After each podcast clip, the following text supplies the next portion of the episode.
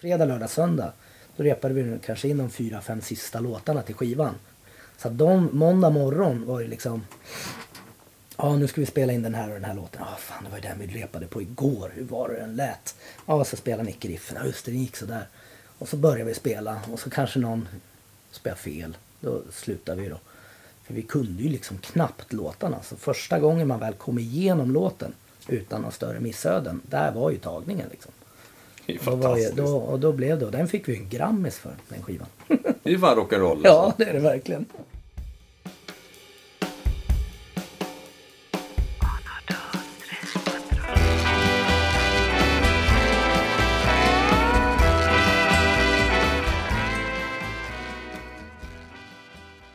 Välkommen hit Robert Eriksson.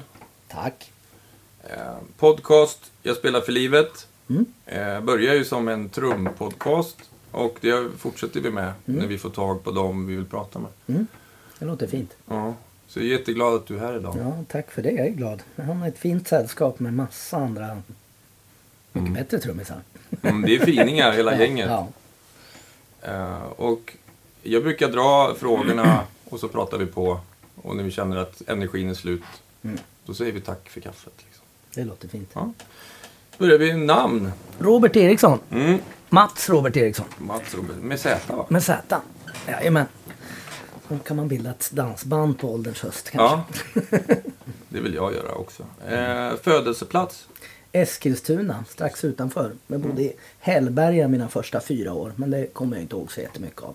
Mm. Pytte, pyttelite fragment. Men eh, Eskilstuna är i alla fall född. Och sen flyttade du till... Sen flyttade jag till Edsbyn i Hälsingland. Mm. Och där bodde jag hela min, hela min skolgång egentligen. Från, eller ja, strax innan vi flyttade dit när jag var fyra då, då fem, fyra, fem. Eh, bodde där till jag var 16 efter nian. Sen blev det Östersund Och sen blev det Östersund. Jag flyttade till Frösön i Östersund. Och där bodde jag gymnasietiden och även lumpentiden. Jag, gjorde ju, jag är ju så gammal som jag gjorde ju lumpen till och med. Det fick kom du, inte undan den tyvärr. Eh, men, eh, och sen flyttade jag då ner till Stockholm 1993. Då var jag 21 år. Jag brukar fråga folk vad de har för yrke. Jag vet ju att du är musiker, trummis då. Mm. Men eh, du gör andra saker också va? Jag har, ja det gör jag. Jag gör, eh, det är lite knepigt det där. Det är lite så olika svar i olika sammanhang om man skulle få den frågan. Jag är ju, ja trummis är ju mitt, det är väl det jag brinner för Mm. väldigt mycket. Eh, och egentligen alltid har gjort. Sen har jag gjort en massa andra grejer och nu har jag även ett jobb sen, ja nu ska vi se, 2007. Som jag jobbar halvtid på ett ställe som heter Black Sheep i Solna. Det är kommunalt och det är en, vad ska man säga, inte en ungdomsgård men det är väl mer som ett ungkulturhus kan man säga för 15 till 25 år ungefär. Mm. Eh, det finns väldigt mycket, det är ett kreativt hus kan man säga. Det, det finns musik, det är fo- foto, det är film, det är konst. Eh, allas ja, ett kult, kulturella uttryck ska Mm. komma till liksom ska komma fram och det är liksom, där jobbar jag då tre dagar i veckan. Och kombinerar det med att spela trummor. Mm. Precis. Jag är ju också kommunalt an- anställd och, och då eh, är man ju ofta tjänstledig. Ja, jag vet. Och jag har ju otroligt bra chefer som, som, som tycker att det är okej. Och det är jag väldigt tacksam för. Att, Mm. det, att det funkar, att det kan gå hand i hand. Och det, är- men det är faktiskt på, på, på jobb, där jag jobbar i Solna, det är flertal som är, alla är liksom anställda utifrån de premisserna på något sätt. Så att det är flera som jobbar eh, inte, som inte jobbar heltid utan man sysslar även med, man är konstnär eller man är musiker eller man är, och det speglar ju då på något sätt verksamheten och det märker ungdomarna med när, när det liksom är ja, men folk som man, är inte anst, man är anställd för att man verkligen gör det här på, till vardags med på något Mm. sätt. Till, till, till vid sidan om eller vad man nu vill kalla det. Om inte säga, ja men för 25 år sedan, då spelade Nej. jag trummor. och Nej då lät det så här. man är lite ajour. Ja. ja. alla har liksom så här. på något, ja. Coolt. Eh, vad är ditt första musikminne? Eh, Elvis tror jag. Måste det nästan vara. Jag tänkte på det här om dagen när det var 16 augusti Mm. då Elvis då gick bort. Och jag har inte, jag är inte helt hundra på att det är att jag minns själva dagen eller om det är kanske året efter som jag läste. Jag har, jag har en bok hemma, en så här häfte med Elvis liv och där är det även liksom de här eh, det, står, det är några sidor om hans död jag kommer ihåg jag satt och grät och läst, läste de där sidorna. Eh, och bara helt sådär och lyssnade bara på Elvis eh, väldigt tidigt. Det här är ju, ja det är, det är innan, innan jag började lekis är det ju och det gör man ju när man är sex. Det var året att, eh, efter han dog då. Ja, det måste ha varit det. det är nå- någonstans där. Så att jag har någon slags minne och jag köpte jag köpte några skivor med Elvis väldigt tidigt också och lyssnade på dem där och jag satt och spelade in. Jag har en sån här liten, vad heter det, sån här kassettbandspelare med en mikrofon till. Mm. Med så här flip-top, vet man. Mm. Och satt och spelade in. Jag sjöng ju in egna Elvis-tolkningar. då, då, Ja, helt du gjorde det? Såklart, ja. Ja, ja, ja. Visst. Jag kommer till och med ihåg att jag sjöng in någon låt. eh, Det är någon låt han sjunger på tyska. Och det är ju jävligt roligt för jag gav den här till morsan i 50-årspresent. Har jag för mig att det var. Om det var 60-årspresent kanske. När jag sjunger en Elvis-låt när jag är sex år gammal. Och han dessutom sjunger på tyska. Någon vers. Ja, det var det är ju lite överkurs. Kan vi få den och lägga upp i podden här? Nej, jag tror inte jag har den digital tyvärr. Nej, det kan vi Det lösa. är bara på kassett. Ja. Men så Elvis var... Elvis var väldigt stor Mm. det var, det var nog det första jag minns. Sen, jag minns att jag köpte eh, Hepstars On Stage, eh, LPn. På, på eh, nu ska vi se, Konsum i Edsbyn då. Och de brukar ju ta in så här, ibland en gång per termin, eller en gång per halvår kom det in liksom några, helt så här out of the blue. Så dök det upp ett gäng skivbackar och de hade liksom rea på, ja, Eh, och då hade de den där. Och jag har prislappen kvar. Den kostar 3 kronor. Jag köpte den och sen köpte jag Spotnix. En skiva. Den kostar 2 kronor. Och de två lyssnade jag på väldigt mycket. Spotnix då satt de på, red på ett flygplan på omslaget. Det är fett. Ja, Around the World hette den. Och de två skivorna lyssnade jag på. Men jag tyckte Spotnix var... Det, det föll mig inte riktigt sådär i smaken då. Som, jag var väl kanske sex år eller någonting. Men Hepstars tyckte jag var jäkligt fett. Och den skivan är ju fantastisk. Alltså Ja. den är helt makalöst bra. Eh, och sen eh, dök man ju ner i morsan och farsans skivsamling och det var, det var mycket Beatles. Och det var Beatles, Beatles, Beatles i flera år kändes det som. Det var, och det följer ju mig fortfarande liksom. Det gör det ju. Jag kan ju aldrig tröttna på det. Det, det har du nästan... Det tror alla Ja. som har varit med i den här podden delar den uppfattningen. Ja men jag började lyssna, det var liksom She Loves You och alla de här eh, pophitsen. Mm. Och sen eh, hade morsan och farsan White Album. Och den, eh, då har jag nog börjat skolan i alla fall. Det var väl kanske tvåan eller något sånt där. Eh, och då tyckte jag att den, de hårdare låt, Back in the USSR, Birthday tyckte jag var jättebra. Eh, Year Blues och sen, sen var ju Helter Skelter lite, den var nästan läskig. Jag kommer ihåg en idag när man satt och, och lyssnade nere i, vi hade en gillestuga, så Mm. klassisk eh, Ja. eh, eh, vad heter det? Sammets eh, soffa, hörnsoffa. Såna här eh, Carlsson-högtalare. Med massa maxmulor. och, så var det, och så satt man där och lyssnade på den här White Album. Och efter Sexy Sadie, som var låten innan då, när den tonas ner. Då var det så här, då fick man sp- sprang upp fort. För att när gitarrerna drar igång på Helter Skelter, då, då, då blev jag nästan, det var nästan att jag blev rädd. Ja, och det var så jävla...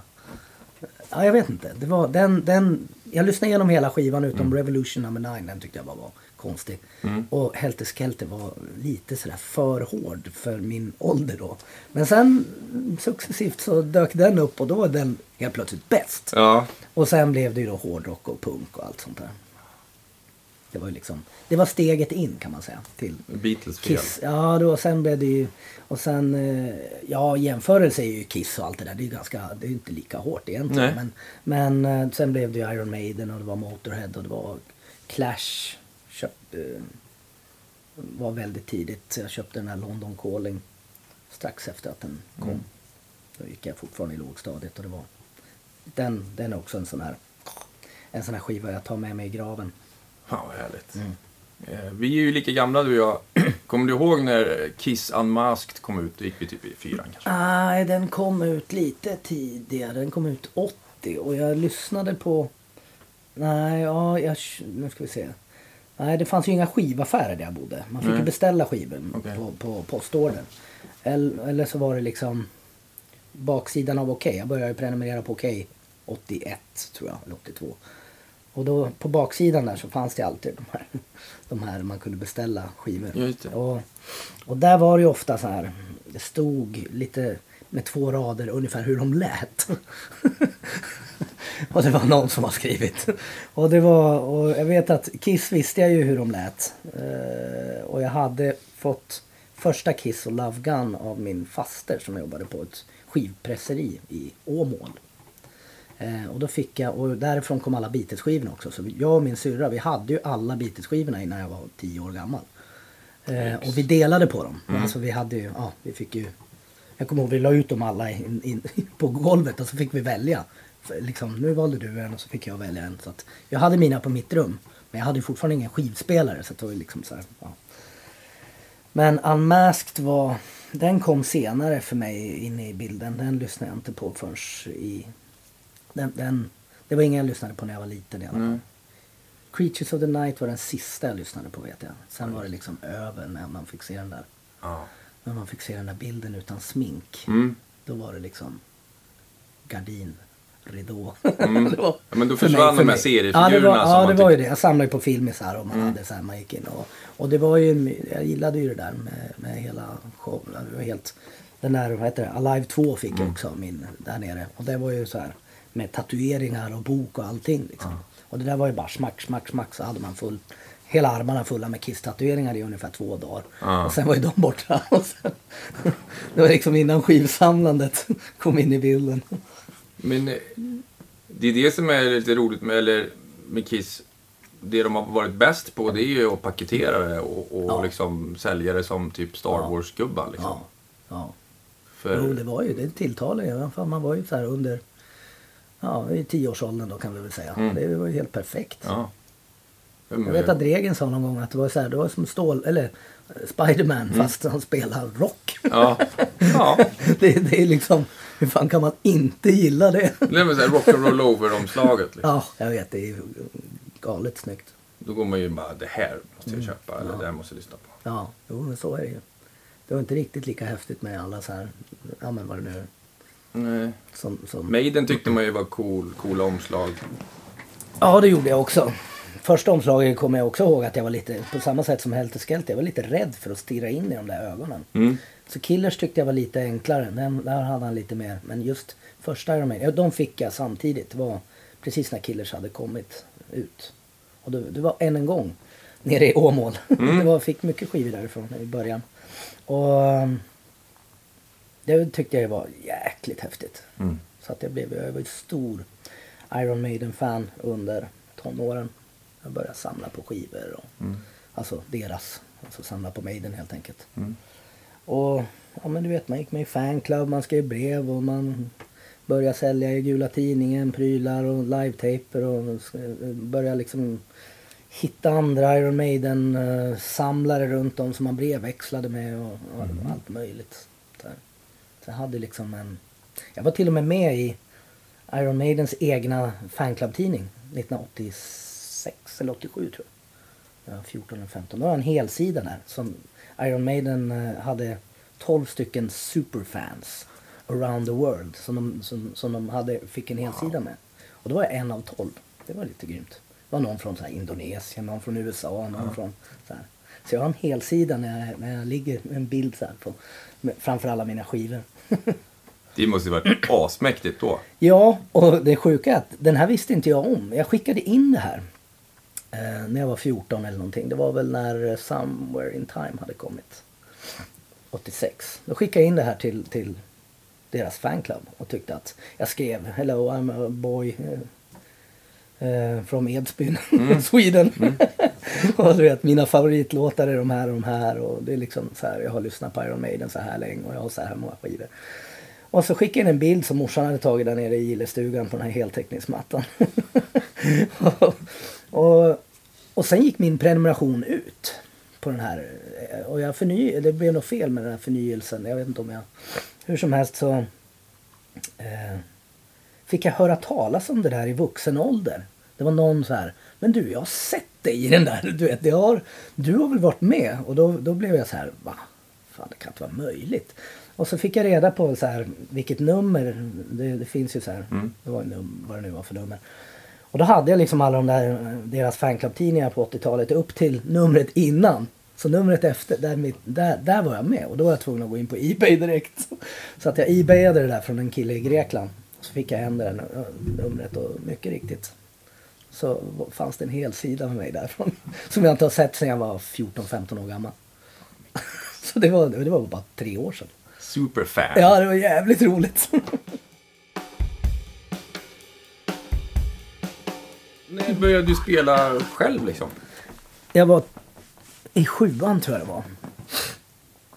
Ehm, och det var ju i Edsbyn. Ehm, det var ju liksom, där fanns ju inte så mycket, man spelade ju typ blockflöjt i lågstadiet, det gjorde väl typ alla på den Mm. tiden känns det som. Ehm, någon gång i mellanstadiet så fick man spela akustisk gitarr tror jag. Och då jag tror jag gick på två lektioner eller någonting. Hur ska jag göra för att komma över vägen? Hur ska jag göra för att komma över dit? Och du vet, det var så två ackords. Eh, och det tyckte jag inte var så jäkla kul. Så det slutade jag. Och sen fick jag reda på att det, det finns även möjlighet att du kan få börja spela trummor på, på skol, efter skoltid. Och då ville jag göra det. Det här var någon gång i mellanstadiet. Jag kommer inte ihåg om det var fyran, femman eller sexan. Säkert femman, sexan. Eh, och då var det ju, då kom jag in i det där rummet och det är bara en virveltrumma och ett tomt rum liksom. Och det var ju så här otrolig antiklimax. För att där man, i rummet där man hade fått spela blockflöjt, det var ju något hårdrocksbands replokal på en gammal skola jag gick i. Och det var ju liksom Alex Van Halen trumset som stod där liksom. Och det var ju så här, man kunde, så var man fem minuter tidigt i den här blockflöjtslektionen, då kunde man sitta och banka på det här jättetrumsetet med dubbla kaggar och allting. Och så kom man in några år senare med bara en virveltrumma. Det var ju så här, nej.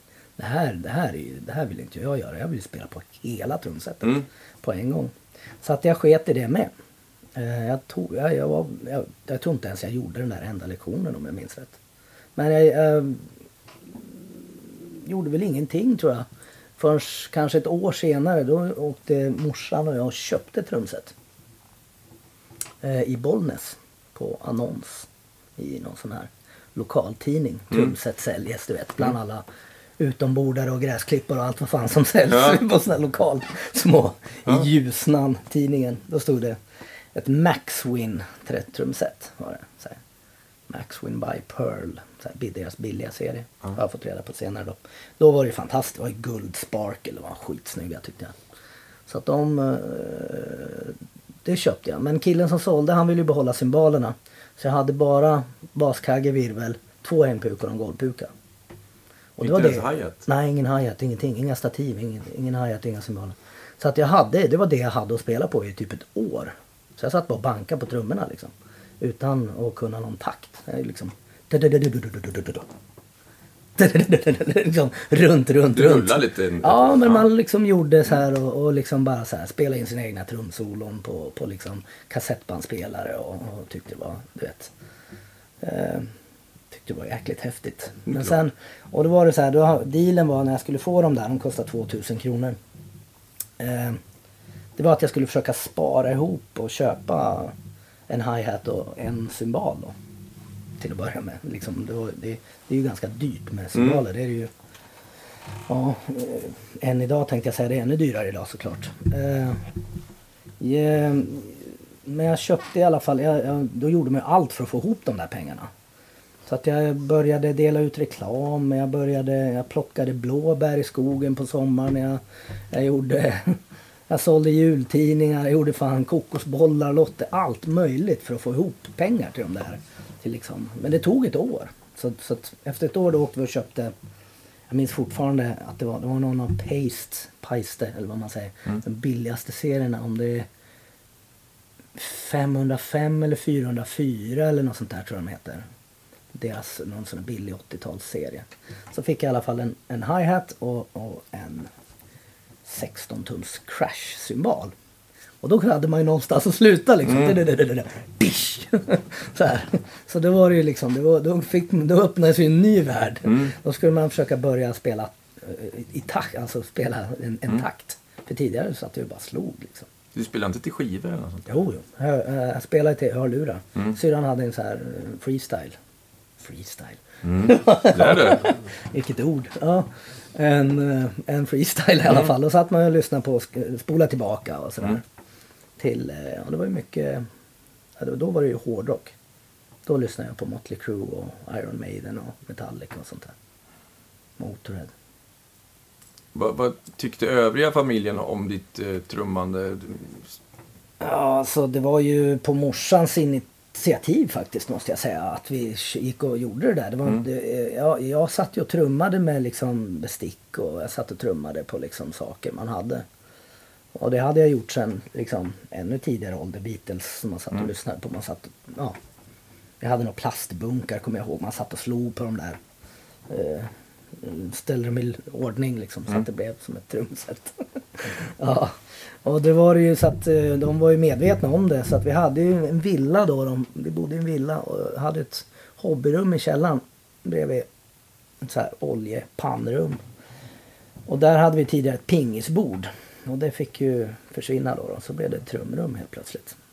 Och sen var det ett trumrum.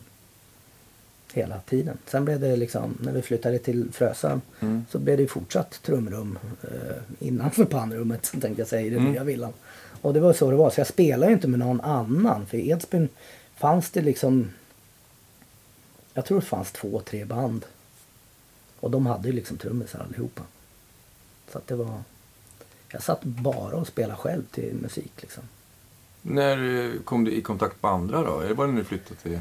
Och jag flyttade till Östersund. Då kände jag ju ingen. Eh, Jag flyttade dit dagen innan jag började gymnasiet. Och sen lärde man ju känna några. några eh, ja, man, man lärde känna folk genom Mm. skolan helt enkelt.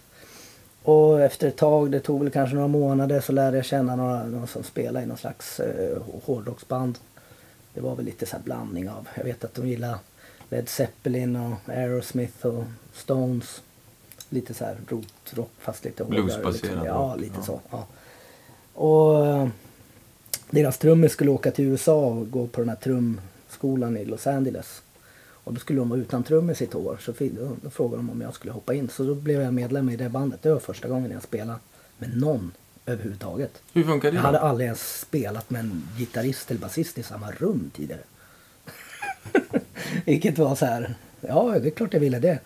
Så att vi började, jag flyttade dit, då hade jag sålt de där Maxwin-trummorna. Jag köpte ett Sonor-set av en kille som heter Lars Normalm. Från, som var med i, nu ska vi se. Var han med i Lars Vegas Trio? Eller var han med i... Inte Hobendroben, det är ju han. ja, Det är ju, nej, men en, Vegas kille- Trio var väl Janne Bengtsson? Ja, det var det ja. Fan, Lars Norman. Han var i alla fall med i... Eh, det här är ett band som hette... Vad fan hette de? Ah, han, han, var, han var grym trummis uppe i Östersund i alla fall. Han hade ett eh, sonorset och det, jag kommer ihåg att det såg ut som Nico McBrains trummor som han hade på 84-turnén med Maiden. Powerslave. Jag var exakt, ja men det var så här. Det var de här pärlemoraktiga fast inte gnistrande pärlemor. Och så var det konservpukor utan underskinn. Som man liksom fick, ja, som när de har studerat på stora ställen, vilket Ja. jag nog inte gjorde. Ja. Men då, stod, då mickar man inne i trumman Mm. liksom. Eh, och de, de såg skithäftiga ut och då fick jag köpa dem. Jag köpte dem för 2000 med, minns jag. Eh, och då hade jag de trummorna helt plötsligt och spelade med det här bandet. Och det gick ju...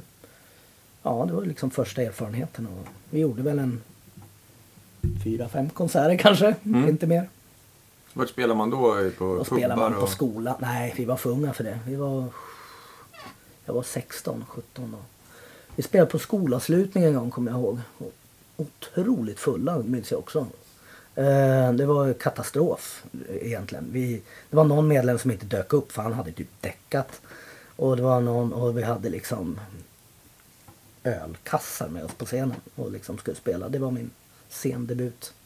Jag tror typ man nästan ramlade av stolen. Innan det var katastrof. Ja. Ja, det, var stor, det var dessutom i badhusparken så det var en jävligt stor scen. I Östersund. Där de har Storskyran och Ja, just det. Men det var, ja, det var inte så bra. Eh, Jag fick för, jag för mig att de fick köra akustiskt för att vi fick inte till det liksom. Det gick inte. Det var två som fick köra gitarr och sång. Och sen. Men vi fick till några eh, liksom, konserter. Eh, och det blev av i alla fall. Och sen... Eh, ja, vad hände sen? Sen slutade vi spela. Jag, tror, jag vet inte vad som hände. Jag minns inte riktigt. Vi splittrades väl. Mm. Hittade du några andra att leka med då? Ja, då började jag spela lite hårdare. Ursäkta. Eh, hårdare musik. Jag började spela med ett trash metal band. Jag började spela med ett eh, death metal band sedermera också. Eh, ja, det var ju mer och mer. Man ville åt hårdare musik liksom. Började lyssna på hård, ja, men Slayer och massa sådana här. Och sen kom dödsmetallen in och Entombed och Morbid Angel och allt sånt här. Så det var, det var ju liksom... Ja, då kan det ha varit... Det måste ha varit 1990 kanske. Och Mm. sånt. Och då skulle det var vara 18 fort. år, det var 18 år, ja. Och då skulle det vara liksom, ja då var det, Svårt. ja jag hade fortfarande ingen dubbel, vad heter det, dubbelpedal eller något sånt där. För jag minns att jag hade läst att Nick McBrain då som jag gillade i Maiden, eftersom jag var så Maiden-fan, han hade ju bara en enkel pedal. Och det, det är så här, det ska man klara sig med. och det blev lite knivigt när man skulle spela hårdare och snabbare med bara en pedal. Ja. Men jag skulle liksom, det var, jag var övertygad om att jag skulle göra det. Så, så. Men till slut så, så eh, blev jag raggad till ett annat band som heter Celleborn, ett death metal band där uppe. De hade replokal bredvid skolan, gymnasiet, där jag gick. Och, och så började jag spela med dem. Då skulle jag dels få en dubbelpedal, för de skulle fixa en sån via sin studiecirkel. Och sen skulle jag få nära till liksom repet. Istället för det här, det här andra bandet jag spelade med, då, då fick man åka färja från Frösön. Och så fick man åka tre mil rakt ut mot Oviksfjällen. Och sen repade man i något garage där ute, mitt ute i ingenstans liksom. Så att det var, det var liksom knivigt tänkte jag säga att ta sig Ja. dit. Det var liksom, missade man sista färjan hem då var det ju en jäkla omväg på 5-6 mil liksom. Mhm. För att ta sig hem. Så att det var, Ja. vi bytte trummisar. De två banden. Ja. Så jag började med det ena bandet och han andra trummisen som var medlem där. Han fick då sparken och började spela med det band jag hade spelat med. ja, så var det. Vart spelar ni med det? För metal är väl, då kan man Ja. åka runt lite va? Nej, grejen är den, vi var ju väldigt lokala. Vi spelade bara i princip på Tingshuset hette det i Östersund. var ett ställe. Rockhuset hette det från början. Det, är- det är ett gammalt, massa replokaler och närradio och en spellokal längst upp. Som var jäkligt bra för alla liksom. Alla band repade där i princip på ett replokalshus. Mm. Och där hade de en scen längst upp och det var det enda för det var ingen krog som ville ha det här liksom. Det var, det, det var inte på kartan. Så då fick man spela där uppe. Man fick arrangera sina egna konserter och göra sina egna affischer och åka till tryckerier och göra sånt. Och, ja, men marknadsföra själv och ringa runt till polare och allt sånt där. Så kommer en 25 pers och så blir det grym kväll. Mm. Så, så var det. Fan, det är ju Vi mycket. spelade i Sundsvall en gång och i Piteå en gång. Annars var det bara Östersund. Och Sundsvall är inte så långt, men Piteå är en bit alltså. Ja, det var den här, det var någon så här, det var någon så här Facefront-gala där uppe med en massa. Jag vet att senare att vi, jag tror både Fireside och Refused spelade men det, man hade ju liksom ingen bra koll på. Jag kommer ihåg att jag såg Refused men man hade ju ingen koll på andra band då. Det var liksom ingen, ja, vi bodde i Östersund och hade man koll på de banden i princip. Vilka andra trummisar än Nico McBrain eh, kollar du in då på den här tiden? Ja, 80-talet då lyssnade jag ju på, det var ju de banden man lyssnade på. Dave Lombardo tyckte jag var jävligt bra. Det gör jag ju än idag i Slayer. Han är ju liksom eh, hårdrockens Keith Moon på något sätt. Helt o, eh, vad ska man säga, oförutsägbar. Det, och det gillar jag. Det är lite så här. Eh, Jag har sällan varit så här att jag har gillat de här superduktiga. Med undantag för kanske Neil Peart. Han gillar jag ju och det gjorde jag då med. Eh, vilket gick helt emot allt annat jag gillade egentligen. Men det, det, han gillade jag. Eh, annars så var det ju liksom de banden man lyssnade på. Om man lyssnade på Motörhead då gillade man Filthy Animal Taylor. Och så lyssnade man på Motley Crue då tyckte man Tommy Lee var grym. Eller Mm. liksom det var så. Det var, lyssnade man på Metallica tyckte jag Lars Ulrik var bra. Mm. Han är ju ganska bespottad idag på något sätt. Han brukar ja, för- så jävla dålig är han väl inte? Nej, alltså jag tycker att jag, jag kan ju nästan slå ett litet slag för honom för att det skulle ju inte låta som... eh, Alltså de tidiga skivorna tycker jag är bra. Men liksom, De, de, eh, jag lyssnade ju som fan på de skivorna när de, när de kom. Liksom. Och eh, han hade ju någon egen slags... Han och James Hetfield var ju de som drev hela alltihopa och fick till låtarna och gjorde allt som, så det blev som det blev. Liksom. Mm. Och det, det kan man inte bortse ifrån på något sätt. Sen om han är stolpig idag, det är han ju. Men då lirar han ju jäkligt innovativt och, och Mm. tyckte, tyckte det var helt eh, så här. Man hade ju aldrig hört någon som spelade sådär. Lite som Ringo, många är på Ringo också. Ja, han, dålig ju, och- spelar ju jättebra. Liksom. Mm. Det passar ju perfekt i låtarna. Ja. Sen vet jag inte om han har kommit på allt själv eller om det är George Martin eller någon Mm. annan. Men jag kommer ihåg det var så här, den här Killemål-skivan på baksidan på Okej-tidningarna som jag, som jag nämnde tidigare. Mm. Där stod det, nej det var en skivor och bandkatalog, så var det. Då stod det Metallica, Killemål. Och så står det vrålhårt, imponerande snabbt. Det var den enda som stod om det här. Så tänkte jag fan, det måste ju vara helt galet bra det där. Ja. Ja, det var ju så här. Jag gick igång på det. Och, och spararen kostar 49,50 så jag skickade efter den där, beställde på postorder. Så fick man åka till, till Ica inne i byn och hämta den där efter en vecka eller någonting. Och kom hem och lyssnade på den här skivan och är helt golvad. Jag tyckte det var det bästa jag hade hört i hela mitt liv. Så här, jag hade ju aldrig hört någon spela så fort. Och det var liksom, ja. Och sen var man Metallica-fan liksom. Mm. ja. Men det, det är, de trummisarna som spelar den musiken är ju otroligt skickliga. Alltså ju, Ja, idag är det ju det. Då var de ju mer eller mindre punktrummisar som råkar spela metal känns det som. Det var någon slags blandning. Och det är det jag tycker är ganska, jag gillar ju jag gillar det helt enkelt. När det blir för tekniskt och tröttnar jag rätt snabbt faktiskt. När det blir för så här, snitsigt och kolla här vad jag kan och allt det här. Jag tycker inte att det är så... Jag tycker det är mycket mer tilltalande med, du kan vara hur jävla duktig som helst men väljer du att spela ett rakt ACDC-komp om man säger, då, då är det att man, att man håller på, eller på, du vet, att det, det tycker jag är mycket häftigare än liksom. Jag har aldrig liksom riktigt tyckt att det här, ja vad heter han, Toto, trummisen? jag vet. Jeff Porcaro heter han? Mm, kanske han heter. Ja, nej, det har liksom aldrig varit min bag. Jag kommer ihåg dem som när vi repade på det där tings, rockhuset, tingshuset där med här. Och, och det kommer andra och säger att eh, ja, men det här är så bra, det här är så bra. Det fanns en massa, det var Dave Weckel och det alla möjliga så här supertrummisar som kan lira precis vad som helst. Då blev ju det och, och de gick på så här, de gick på folkhögskolor de här eh, andra eh, några andra killar som man snackade med där. Mm. Trummisar då och de var så här, ni måste lyssna på det här. Jag kommer ihåg, nej fan det där är skittråkigt. Det finns ju ingen skäl. Jag tyckte det var så här ofattbart trist att lyssna på. Det var liksom det var inte alls det man, jag vill ju åt hår. Det, skulle, det får gärna vara skavanker. Det får gärna vara harvigt och gå lite upp och ner i tempo. Och halvdana markeringar och allt sånt där. Men bara det finns något så här driv och någon egen slags jävla... Mm, du vet, då blir, det, då blir det bra på något sätt. Keith Moon. Ja, kan man lugnt säga. Det är liksom... Det är ju precis, ja men det är någon slags, någon, något slags, istället för att bara sitta och dra till varje, eh, ja exakt, exakt, det ska kännas som att eh, det finns någon slags, eh, ja men nerv för att använda ett ord som är ganska uttjatat kanske men det, men det måste liksom finnas någon, någon liksom någon egen, man, att man hör att trummisen verkligen kämpar eller vill eller gör. Det finns ju liksom, när man hör att det är så här, man, nu är det på håret att det här kommer att gå hem liksom. Och så gör det det. Då är det ju så här, det är helt fantastiskt. Ja, vad kul. Och det, är väl, det är väl det man vill åt på något sätt. Det är Mm. väl det jag vill åt när jag spelar i alla fall. Ja, vi spelade ju på ett ställe samtidigt och jag på en 60-talsfest där du spelade med ditt band Strindbergs. Mm. Och ni spelade 60-talslåtar. Nej, då spelar vi egna låtar. Men de kanske låter som 60 Nej, men ni, ni, nej, vi spelade ju på... Jaha, ja det stället. Ni ja, spelar nu, Kinks. Ja. ja, det gjorde vi ja.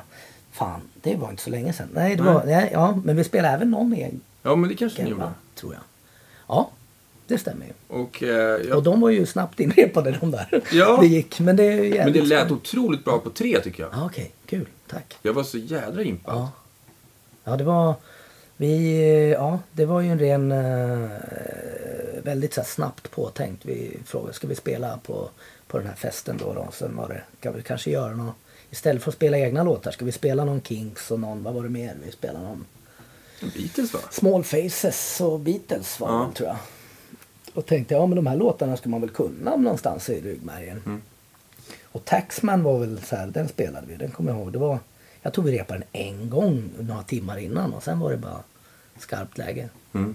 Men, det, men någonstans, är om alla nu spelar ungefär som man minns själv Mm. att låten är, då, då går det ju på något sätt. För man, min- man sitter själv och man kommer på några hundradelar innan hur, ja just det här kommer det någon markering och så, så blir det liksom så här. Och det var ju så det var i princip. För eh, Johan Johansson var ju med i det här programmet lite tidigare. Mm. Eh, han, och, han och, och då pratade han om att han vickade för dig eh, på en Spanien-turné. Ja, det stämmer. Stevie med, med Stevie. Claesson och Black Weeds heter Mm. det bandet. Precis. Och- Ja, då fick jag inte till det med, med tjänstledigheter och det där. Så då, fick, då hoppade Johan in och det var ju, som jag förstår en jättebra turné. Ja. Och det, Johan eh, pratade också gott om eh, Keith Moon och Väderkvarns spel och, Ja. och sådär. Ja, men det är kul och, och lite sådär, jag tycker lite kul med någon slags visuell Mm. grej också. På något sätt att det ska se, det ser, det, ja. Trummorna ska se snygga ut och det ska även liksom, ja men det ska se bra ut på något sätt. Det, Mm. det, jag tycker att det är ganska viktigt. Jag väljer hellre mycket, jag väljer hellre ett snyggt trumset som låter dåligt än ett fult trumset som låter bra. Mm. Om jag skulle få välja en- på, på en konsert. Då får det hellre låta lite sådär och sen får, får men att det ser bra ut. Det tycker, jag, det tycker jag är viktigt. Ja. Ja, men det, det, det, det ska liksom vara, det, det är även för ögon liksom. Alla sinnen ska. Absolut. Vilket är ditt favorittrumset just nu som du alltid tar med dig om du om Jag byter, jag, jag väljer att byta ganska ofta, vilket jag tycker är kul. Eh, Jag har fyra Ludwig-set. Så Ludvig är en favorit? Ludwig är favorit, det kan man lugnt säga. Ehm, och det har bara blivit så. Det blev ju så för att Ringo hade Ludwig. Och där var det ju... Jag köpte ett Ringo-set direkt när jag flyttade ner till Stockholm 93. På Birka Musik. Då stod det ett sånt. Det fan, han gjorde någon sån här reissue. Det fanns någon sån här reissue-variant av hans 13, 16, 22. Ja. Och det sättet hade jag ända fram till liksom 2005 eller något sånt där. Då var det ganska slitet för jag hade turnerat ganska mycket. Eller väldigt mycket. Och nu har jag då köpt, det, så det sålde jag till en studio i, i Holland. Eh, och sen eh, har jag nu ett som jag tycker är ganska kul, då, ett Vistalight-set. Som är, de är ju plast. Och sen har jag ett stålset. Stainless steel. Helt gjorda i stål. Det är som ett helt trumset som är som supraphonic-virvlar liksom. Mm. Eller det, ja. Ehm, och sen har jag ju då två stycken träset. Ett, ett eh, som jag har custom-gjort helt själv eh, via Ludvig. Jag fick tur nog spons av Ludvig där 2006, 2007 någon gång tror jag. Eh, och då fick jag liksom sätta ihop, precis välja exakt hur jag ville ha det med alla lugs och alla, ja, du vet, in i minsta detalj hur allt skulle se ut. Eh, stämhus och, och liksom allt sånt där. Och vilka storlekar och djup på trummorna och allt Mm. möjligt sådär. Eh, ett rött sparkel-set blev det. Och det är nog mitt, eh, det skulle jag nog säga är mitt nummer ett. Set. De låter ju fantastiskt bra också. Jävligt snygga och så låter de bra. Ja, snyggt. Eh, och sen har jag ett gammalt eh, 60-talskit också som jag brukar ha på lite... mm, Ja men så här, om man kanske åker iväg med Stevie och Black Weeds och sådär och det är lite ont om utrymme i någon bil. Och kan, det är en 20-tums kagge och 12-16. Ja. Så man kan ha lite mindre, lite mindre storlekar. Och de låter också jättebra. Det är gamla, de är från 61, 62 innan serienumren kom in i bilden. Oj. Hur många pukor kör du nu för tiden? Är det så här Eh, Tommy Lee? Nej, nej, nej. Jag har en hängpuka och två golvpukor. Jag har eh, John Bonham-uppsättningen kan man Mm. säga, fast mindre baskagge. Mm. Jag har 22-tums kagge, 13-tums hängpuka på ett stativ och sen 16-18. Eh, förutom det här andra, det här minsta då, det, Mm. då är det 20 och sen är det 12, 16. 16, 16 faktiskt om jag har. Jag har, jag har fler pukor där så att jag har, jag har två 16 som man kan stämma olika. Så blir det så här, ja. Eh, och i replokalen har jag faktiskt eh, satt upp ett sätt lite för skoj nu. Det här är ju jävligt nördigt men Ja. då har jag att jag ska försöka för de, när man köper de här sätten då får man oftast två hängpukor till. Men jag vill ju ha riden där, där eh, liggande liksom. Där, där den andra pukan egentligen skulle vara. Mm. Eh, Så nu har han satt upp två hängpukor och två golvpukor på det här stålsättet som står uppställt. Och det, är, det är lite spännande. det, det blir liksom en helt annan... Ja, jag vet inte. Det blir annorlunda på något sätt. Mm. Jag tycker att det är stor skillnad när man bara man får lite mer att spela på. Jag vill inte ha för mycket men det, det, jag tycker att det... Jag är inte den trummis som spelar så. Jag spelar rätt harvigt men liksom det... Men då gör jag det runt på de trummorna som finns på något Ja. sätt. Men du, dubbla golvpukor, det är inte så många som kör med det. Nej, det kanske inte är. Jag tycker det är härligt att ganska ha det här många, basiga. Det är ju ganska långt till den sista men jag liksom, det tog ju några månader så hade man liksom lärt sig vart den var. Mm. Från början kändes det lite avigt. Jag, jag spelade ju under alla år med Hellacopter så spelade jag med en häng, en häng och en golv bara. Fram till 2000, ja, fram till slutet precis innan, vi, innan 2008. Där. Mm. Så då var det bara fyra trummor totalt liksom. Bastrumma, virvel, en häng och en golv. Så väldigt standard liksom. Mm. Två crashar och en ride. Mm. Så att, eh, Det är, tycker ibland man- behövs det inte Nej men när vi spelar, spelar man rockmusik, vilket jag då gör, det Mm. tycker inte man behöver så mycket mer. Nej. Eller jag behöver inte så mycket mer. Jag vet inte vad jag ska göra med det riktigt. Men eh, vi kanske kan ta storyn om eh, Hellacopters. Ja, Du flyttade till Stockholm och så ja jag flyttade hit 93. Eh, kände ju redan eh, Uffe Sedelund som spelar gitarr i en tond. Och Nicke spelar ju då trummor i en tond. Eh, och jag blev tekniker. Ja, jag följde med, började följa med som roddare. Tekniker. Trum, satte upp hans trummor. På alla, eller på flera turnéer. Började 93. Så jag flyttade ner hit och började stämpla egentligen. För jag var ju tvungen att göra någonting. Mm. tänkte jag säga. Jag ville ju, jag, ja. Och, och då hade jag jobbat i Östersund så jag fick ihop det så man kunde stämpla. Det är ganska många som har gjort den här tror jag. Så det, Mm. Det- ja, en svenska, svenska, Ja. svenska modellen. Nej men det, och då, då kunde man ju liksom försöka att få till det man verkligen ville göra på något sätt. Och det har ju ganska många eh, utnyttjat låter ju fel men det är, det är ju på ett på sätt och vis det. Men, men liksom till slut så tack vare det så når man ju dit man har velat på något sätt. Men jag började i alla fall som trumtekniker och vi åkte på en, någon eh, Skandinavien-turné och sen blev det en Europa-turné och sen blev det en lång USA-turné och Kanada. Och det var ju helt fantastiskt tyckte jag. Det är helt perfekt. Jag gillar ju att resa och eh, har alltid gjort. Och även om jag inte fick spela trummor så var jag liksom med i sammanhanget på något sätt kring konserter och man var liksom och de turnéerna var ju liksom, det var ju bara två pers förutom bandet. Så man fick ju köra van och man fick ju plocka med tröjor och man fick ju bära och man fick ju göra allt, alla gör allt liksom. Eh, även bandet. Så att eh, vi eh, gjorde den där långa USA-turnén och sen, sen stannade jag kvar i USA i några veckor efter det och hälsade på lite kompisar som jag hade lärt känna.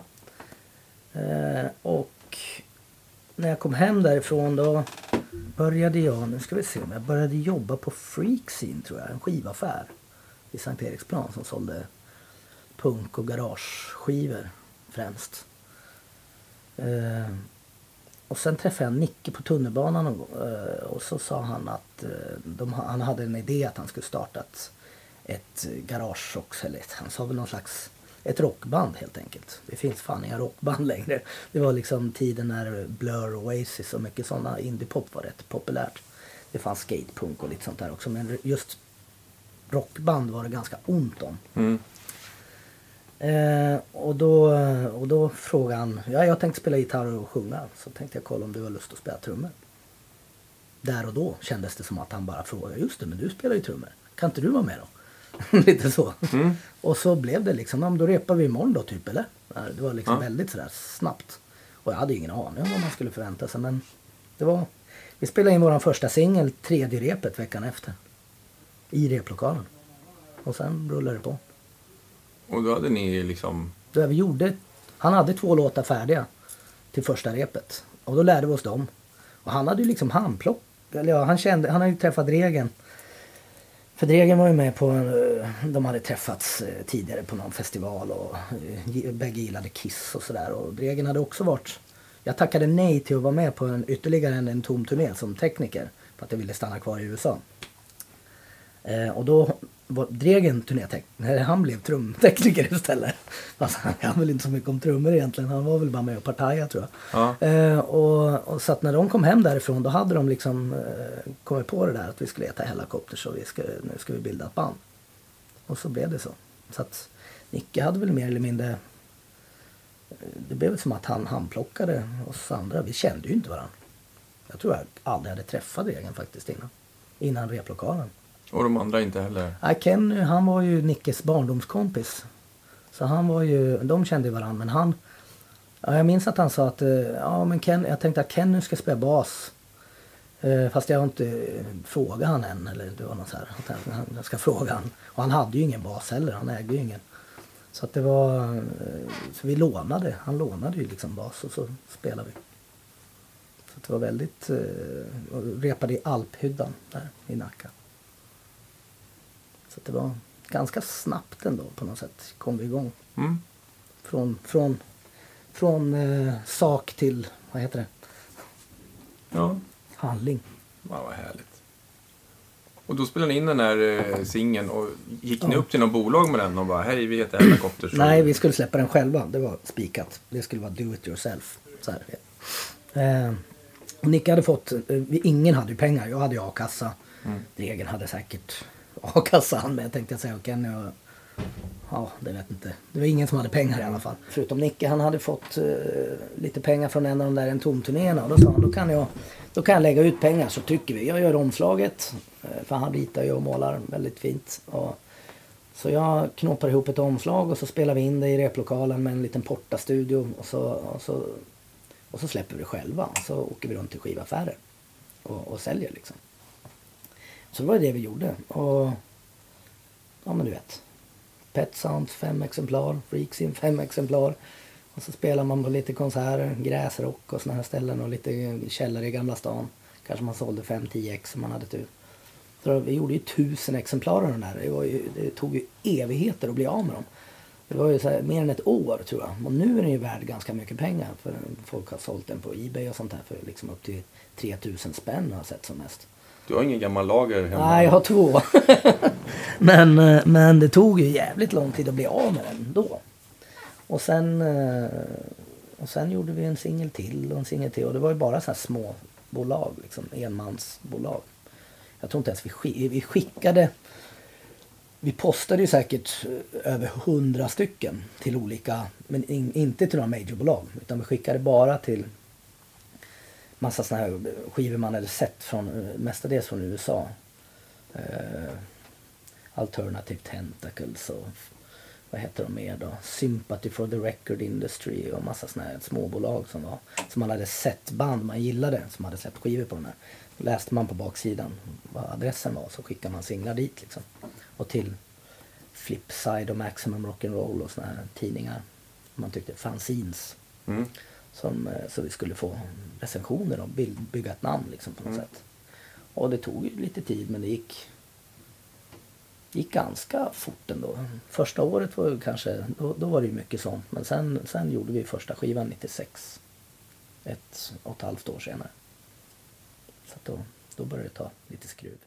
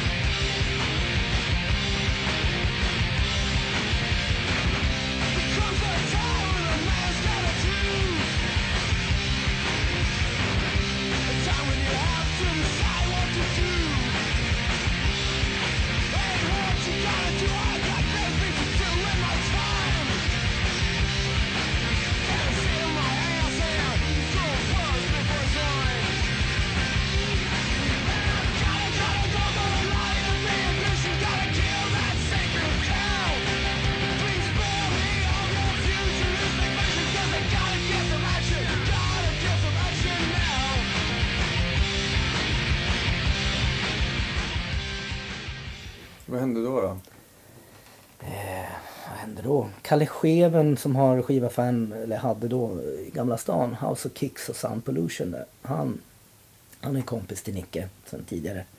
Han hörde av sig och sa att ja, men jag vill släppa, det här är ju skitbra, jag vill släppa en skiva. Helt enkelt. Och då tänker jag starta en ny skivetikett.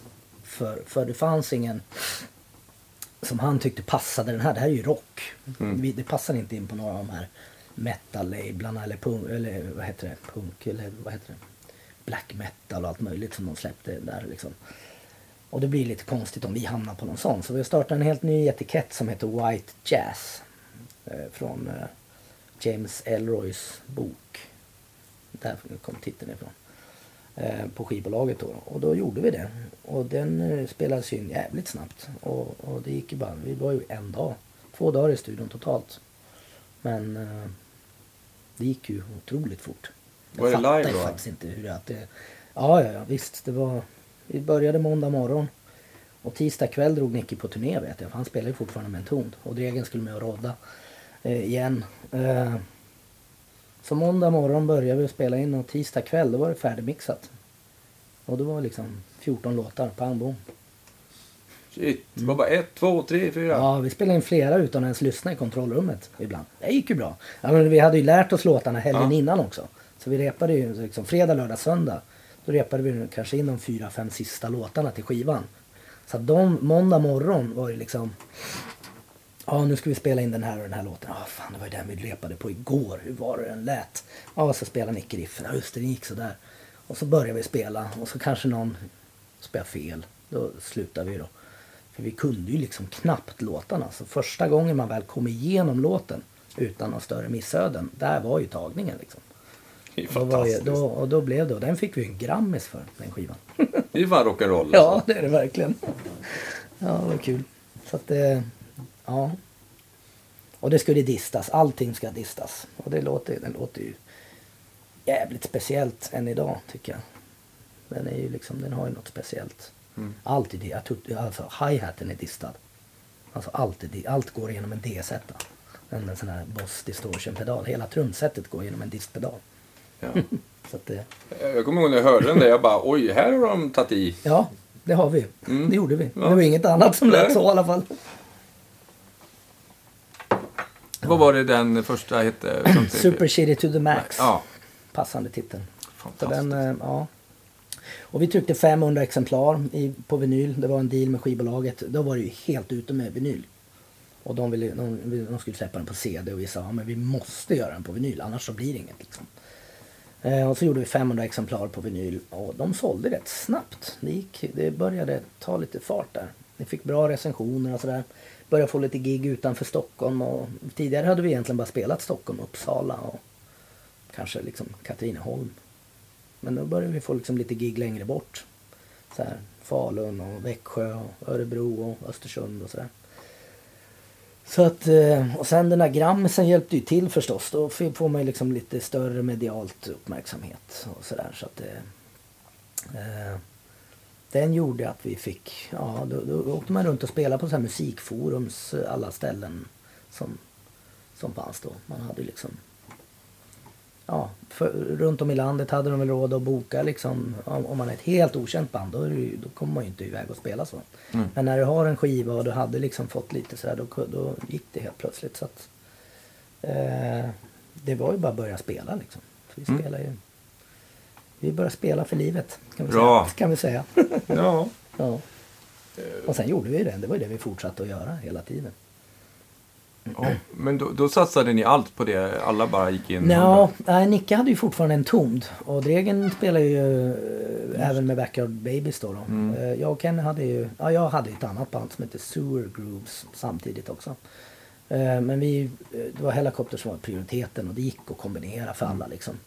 Eller för mig var det det. Mm. Men, men rätt vad det var en dag så kom Nicke och sa att han skulle sluta spela med en tomd. Och vi var såhär, va? De var ju liksom på, de hade gjort Ja, de låg ju på Columbia i USA. De gjorde ju jävla... Det var ju hans liksom... Det är det han levde på. Eh, tänkte, ja men han hade tröttnat på, på hela metal. Det var liksom så. Jag vet inte, han hade tröttnat. Gjort, gjort, gjort klart det på något sätt. Mm. Och då sa han att ja, men nu tänkte jag att eh, nu får det bli Hellacopters istället. Och jag vet att Degen har sagt i efterhand att det så här, då blev det lite svettigt för han, han hade ju verkligen investerat mycket i Backyard Babies. De fanns ju liksom innan vi hade Mm. börjat. Men har inte gjort så mycket väsen av sig. Eh, då hade ju däremot de börjat spela mycket också. Så att för han blev det ju liksom en... eh, Han var ju tvungen att nästan klona sig själv där under ett års tid när vi andra tre inte hade någonting annat. Och då hade även Bobba börjat spela med oss på Mm. klaviatur. Så att det blev ju mer och mer och till slut så blev det ohållbart. Så han fick ju liksom ett ultimatum till slut att det här, nu får du egentligen välja för nu har vi för mycket som krockar. Så att det... Ja. Och då valde han backyard. Då valde han Backyard då. Och det vet jag att han... eh, Då, där och då, det var liksom, vi, vi visste ju om det på något sätt. De hade ju gått i samma skola och växt upp ihop och det var deras liksom... Mm. Det fanns, vi, vi hade liksom redan ringt en kompis som hette Danne innan vi hade fått svaret från Dregen. Och förberett honom på att du, eh, vi hade ju en turné, en Europaturné som skulle börja sju dagar senare. Och det var liksom festivaler och var ganska stora gig liksom. Och då tänkte vi, fan vi måste ju ha en gitarrist. Det var inte på kartan att vi skulle ställa in. Och, och så att nu får du lära dig 13-14 låtar för säkerhets skull här. Mm. Sätt, dig- sätt dig och börja öva. Inom 24 timmar skulle Dregen ge ett svar. Mm. och så sa han att ja, nej, det går fan inte. Jag kan, jag kan liksom inte lämna backyard. Och så var det. Och då visste vi redan det. Då hade vi liksom tjänat en dag kan man säga. För han hade redan börjat repa in sina låtar. och då, då åkte vi på turné. Alltså vi var ute och spelade. Och det var, det var liksom då det började. Det var då vi började spela på allvar utanför Europa. Så då åkte vi liksom till. Tidigare hade vi gjort med Degen så gjorde vi ju. Nu ska vi se om jag säger rätt. Ja, men vi gjorde bara Europa-gig. Vi gjorde en lång Europaturné i princip alla länder utom de forna östländerna. Eh, men då när Danne kom in då var det ju lite snack. Då skulle vi göra inom loppet av tre, fyra månader så skulle vi spela in den tredje skivan som vi hade börjat repat in. Och så skulle vi spela i USA, och Australien, och Nya Zeeland och Japan. Och dessutom en Europa-sommar. Och det var liksom fullt jävla ställ. Vi gjorde ju grejer hela tiden. Och då, eh, och då gjorde vi det. Och sen... Eh, så vi var ju liksom inte hemma så mycket. Vi var ju bara spela och spela och spela hela tiden. Och sen eh, fortgick ju det. Men Danne visade sig att han funkar inte... Eller det var, han, han, det var liksom inte riktigt... Det var från början tänkt att han får vara en stand-in tills vi hittar en ersättare för Degen helt enkelt. Och det var ganska klart att från början att han skulle inte vara liksom ersättaren utan han får vara tillfällig. För att eh, han kan lära sig låtarna snabbt och han kan greja det liksom. Mm. Men... Eh, eh, och sen testade vi Mattias Hellberg, han var med ett tag också. Mm. Som var med på den här. Och, så han var med på en USA-turné även några må en månad senare än de där också. Eh, som vi gjorde. Han fick också lära sig låtarna jävligt snabbt. jag kommer ihåg han sa att Fan jag har inte spelat gitarr på flera år. jag har ju mest sjungit liksom. Han hade Ja. ju mest sjungit med sina grejer då. Och vi tyckte att han var så, ja men han verkar passa skitbra. Han verkar ju schysst och trevlig och allt sånt där. Så vi lärde känna honom och han följde med. Och så han var ju jättebra på alla möjliga sätt. Men det kanske var, det, det blev väl kanske klart att han inte var den riktiga ersättaren ändå på något sätt. Det var liksom, det är väl mycket, jag kan liksom inte förklara riktigt varför för han är ju en god vän än idag liksom. Men det, det, det var liksom vi Men var ha- ni vi ute efter en sol- ersättare liksom. Ja. solgitarrist? Ja, men på något sätt. Och, Det var inte Malcolm Young ni letade efter, Nej, Anderson. utan det ska ju vara sol. Ja, både Nicky och, här- och, och det ska ju, bägge ska ju vara solgitarrister. Vi har ju oftast solon samtidigt. Ja, Vi, ja. ju liksom, vi har ju liksom dubbla, de solar samtidigt. Och det, det, det ska vara kakafoni liksom. Ja. Det ska vara, och det är mycket liksom ta plats och, och väsnas och ta liksom, och visuellt också förstås. Mm. Och sen eh, dök Stängen upp till sist. Via mig faktiskt. Eller ja, jag såg han spela på Kvarnen av alla ställen.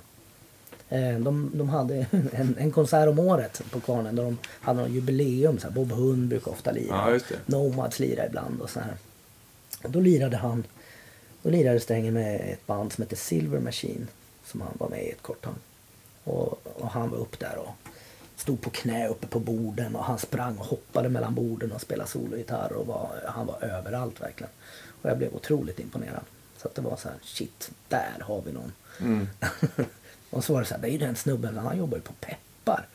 Ja, Jag hade sett han Mm. tidigare. Han med den amerikan, han hade så här USA-keps på sig jämt, kommer jag ihåg.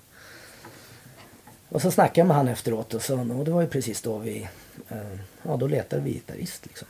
Så att han började, han började testa. Och sen, sen spelade vi med han tills 2008 när vi. Ja, Han sa det, han slängde av sig servicehandduken på Peppar och bara ut på världsturné med liksom. Ja, det var väl nästan så faktiskt. Han, eh, en månad senare... Vi repade utan Nicke kommer jag ihåg. För Nicke höll på att spela in en skiva i Holland med ett annat band han var med i. Hydromatics. Så att vi var, vi var hemma och så var det så här, men nu har vi hittat en, eh, han heter Robban. Och då var det så här, åh fan två Robban i ett band. Okej, ja då blir det typ så här, hur ska, då måste vi kalla honom för någonting. Och så blev det Strängen på någon, någon jävla, han spelade av strängar hela tiden. Och det var så här, då började vi kalla honom för Strängen helt enkelt. Eh, och, så, vi repade och sen åkte vi på turné med, det var någon sån här eh, paketturné som kallas för Where the Action Is. Det här är då 1999. Det var med Nomads och det var Wayne Kramer från eh, MC5. Eh, som hade Spinal Tap-trummisen i sitt band faktiskt. Alltså han som ligger i badkaret. Ja, han, han, han som ligger där, du vet. Ja, ja. As long as there's sex and drugs, who, who needs rock and roll? Han var alltså trummis i Wayne Kramers band. Ehm, och sen var det ett band från Australien som heter Powder Monkeys. Som gör namnet rättvisa tänkte jag säga. Ja. De var, det var en jävla rövarturné. Men det var, eh, det var första turnén med strängen. Och eh, sen, och då var det ju verkligen Då spelade vi jävligt mycket. Vi började faktiskt, ja, vi, vi hade någon sån här på vår hemsida, nu är den borta, men där vi hade staplat upp alla giggen som vi hade gjort. Ehm, och där, från och med där så var det, jag tror det var fem eller sex år i rad som vi snittade på, eller snittade, det var aldrig under 125 gig om året. Det är mycket. Ja, plus skivinspelningar och resdagar och allt vad det nu var. Så det var, det var en jävla massa spelningar alltså. Och då var det ju alla kontinenter i princip, utom Afrika. Så att det, då, då, då rullade det på. Då måste ni ha varit så samspelta så det var löjligt. Ja, vi repade ju inte så mycket. Vi sa upp replokalen för att vi var liksom aldrig där. Vi, grejerna åkte ju bara till liksom Budwheels där vi hade ett lager. Mm. Och sen var det bara ut igen någon vecka senare. Så att det var fram och tillbaks hela tiden. Och, och, så grejerna hann liksom aldrig ner i replokalen om man säger. Och vi tyckte det var onödigt att betala både för en replokal och för ett lager. Eh, så att eh, vi, vi, eh, vi repade inför... Ja men innan en, innan en skivinspelning så repade vi alltid tre veckor. Och repade in alla grejerna. Då, då ägnade vi mycket mer tid än den första skivan då. Så att vi, då, då ägnade vi ju flera veckor i studio. Mm. Tyckte, det var, tyckte det var otroligt petiga och noga och allt det där. Och man gjorde verkligen, nu jävlar ska det låta. Du vet, Mm. man, man utvecklas helt enkelt och det, det liksom breddas på alla sätt. Och, det, eh, och inte live som första skivan utan då satte man liksom del för del och instrument för instrument och så vidare. Eh, och sen repade vi inför turnéer såklart. Eh, ett par veckor säkert. Och sen, eh, sen, ja, sen spelar man ju så pass mycket så det, det behöver, och efter att liksom första, när det kom en skiva då började man ju turnera på den skivan liksom. Och när den skivan hade turnerats klart på då var det ju liksom dags att spela in nästa skiva.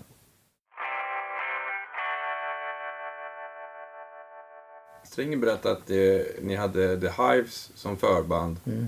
Och sen efter halva turnén, då bytte ni. Då gick de upp som headline. Ja, jag tror faktiskt dem? inte att det var riktigt så. Datsuns var ett band som hette. De var det så med en gång. eh, Men Hives var det... Jag tror att de var förband hela turnén. Men det var precis när de blev eh, jävligt omskrivna i det här New Musical Express och de här engelska, engelska pressen framförallt. Även i Europa. Och de var ju ett jävligt hårt band att spela efter. Alltså det var tufft. För de var ju fantastiskt bra varenda kväll. Och, och det är de ju än idag när man ser dem. De är ett jävligt bra band. Och jag kommer ihåg att det, det är så här, alltid när vi turnerade så valde ju vi band vi ville spela med. Liksom. Vi väljer ju, man satte ihop ett paket med antingen två eller tre och ibland fyra band som åkte runt och turnerade ihop. Liksom. Och det var ju liksom bara band man själv vill se. Så vi stod och kollade på alla andra band varenda kväll. Och så hade man partaj efteråt liksom. För att, ja, det, så att det, det, och det var liksom alltid på våra premisser. När man satte ihop turnéerna så var det vi som satte ihop vart vi ville spela och, vart, och med vem vi ville spela. Sådär. Och, och Hives var ju, blev ju ett sånt. Det var ju så här, shit vad kul det här kommer att bli. Mm. Det var 45 gig runt om i Europa liksom. Och, och de åkte en liten van och vi hade en stor nightliner. Ja, och det var liksom, men det blev ganska tydligt att eftersom så var det så här. Så halva turnén igenom ungefär, då var det ju verkligen så här att de, hade, de fick mer och mer gensvar. Folk var helt tokiga i publiken efter de gick av liksom. Och då blir det tufft att försöka toppa det. Mm. Även om, liksom, och det var liksom ingen, det var väl mer så här hälsosam eh, tävling. Alltså det var ingen så här, fan vad grymma ni var. Det var ju liksom, det var ju, vi gillar ju dem och det var ju liksom inte på tal att man ska försöka tävla så. Utan var det ett antal av gigs så golvade ju de oss. Liksom. Det var ju ingen snack om saken. Men man kan bli inspirerad. Ja, definitivt. Det var det som var kul. Och det är därför man vill ha bra band som spelar innan så man ska bli peppad på att lira själv. Mm. Och det var jäkligt... Eh... Enda gången, jag tror jag såg dem varenda gång den turnén. Med undantag för en gång och det var i Helsingfors.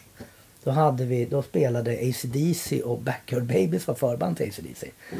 Ehm, eh, I Helsingfors. Samma kväll som då, vi då skulle spela på det här stället, Tavastia. Med Hives som förband. Och då hade vi... Eh, då hade vi... eh, Jag hade sett ACDC dagen innan de spelade Globen. Och eh, sen åkte vi ut till Arlanda och så står vi på Arlanda. Det var när man fick eh, röka fortfarande i de där eh, små, i det här lilla kaféet där. där det liksom inte, innan de här burarna kom till. Och vi sitter där och skulle ta en cigg och vi skulle iväg, eh, och jag och en kille till i turnésällskapet. Och så kommer hela ACDC. Och det är ganska tomt på Arlanda för det är så här sju på morgonen typ. Och ställer sig där och de rök, de är så här som kedjeröker typ hela bunten och kände stod där och hostade och var väldigt så här.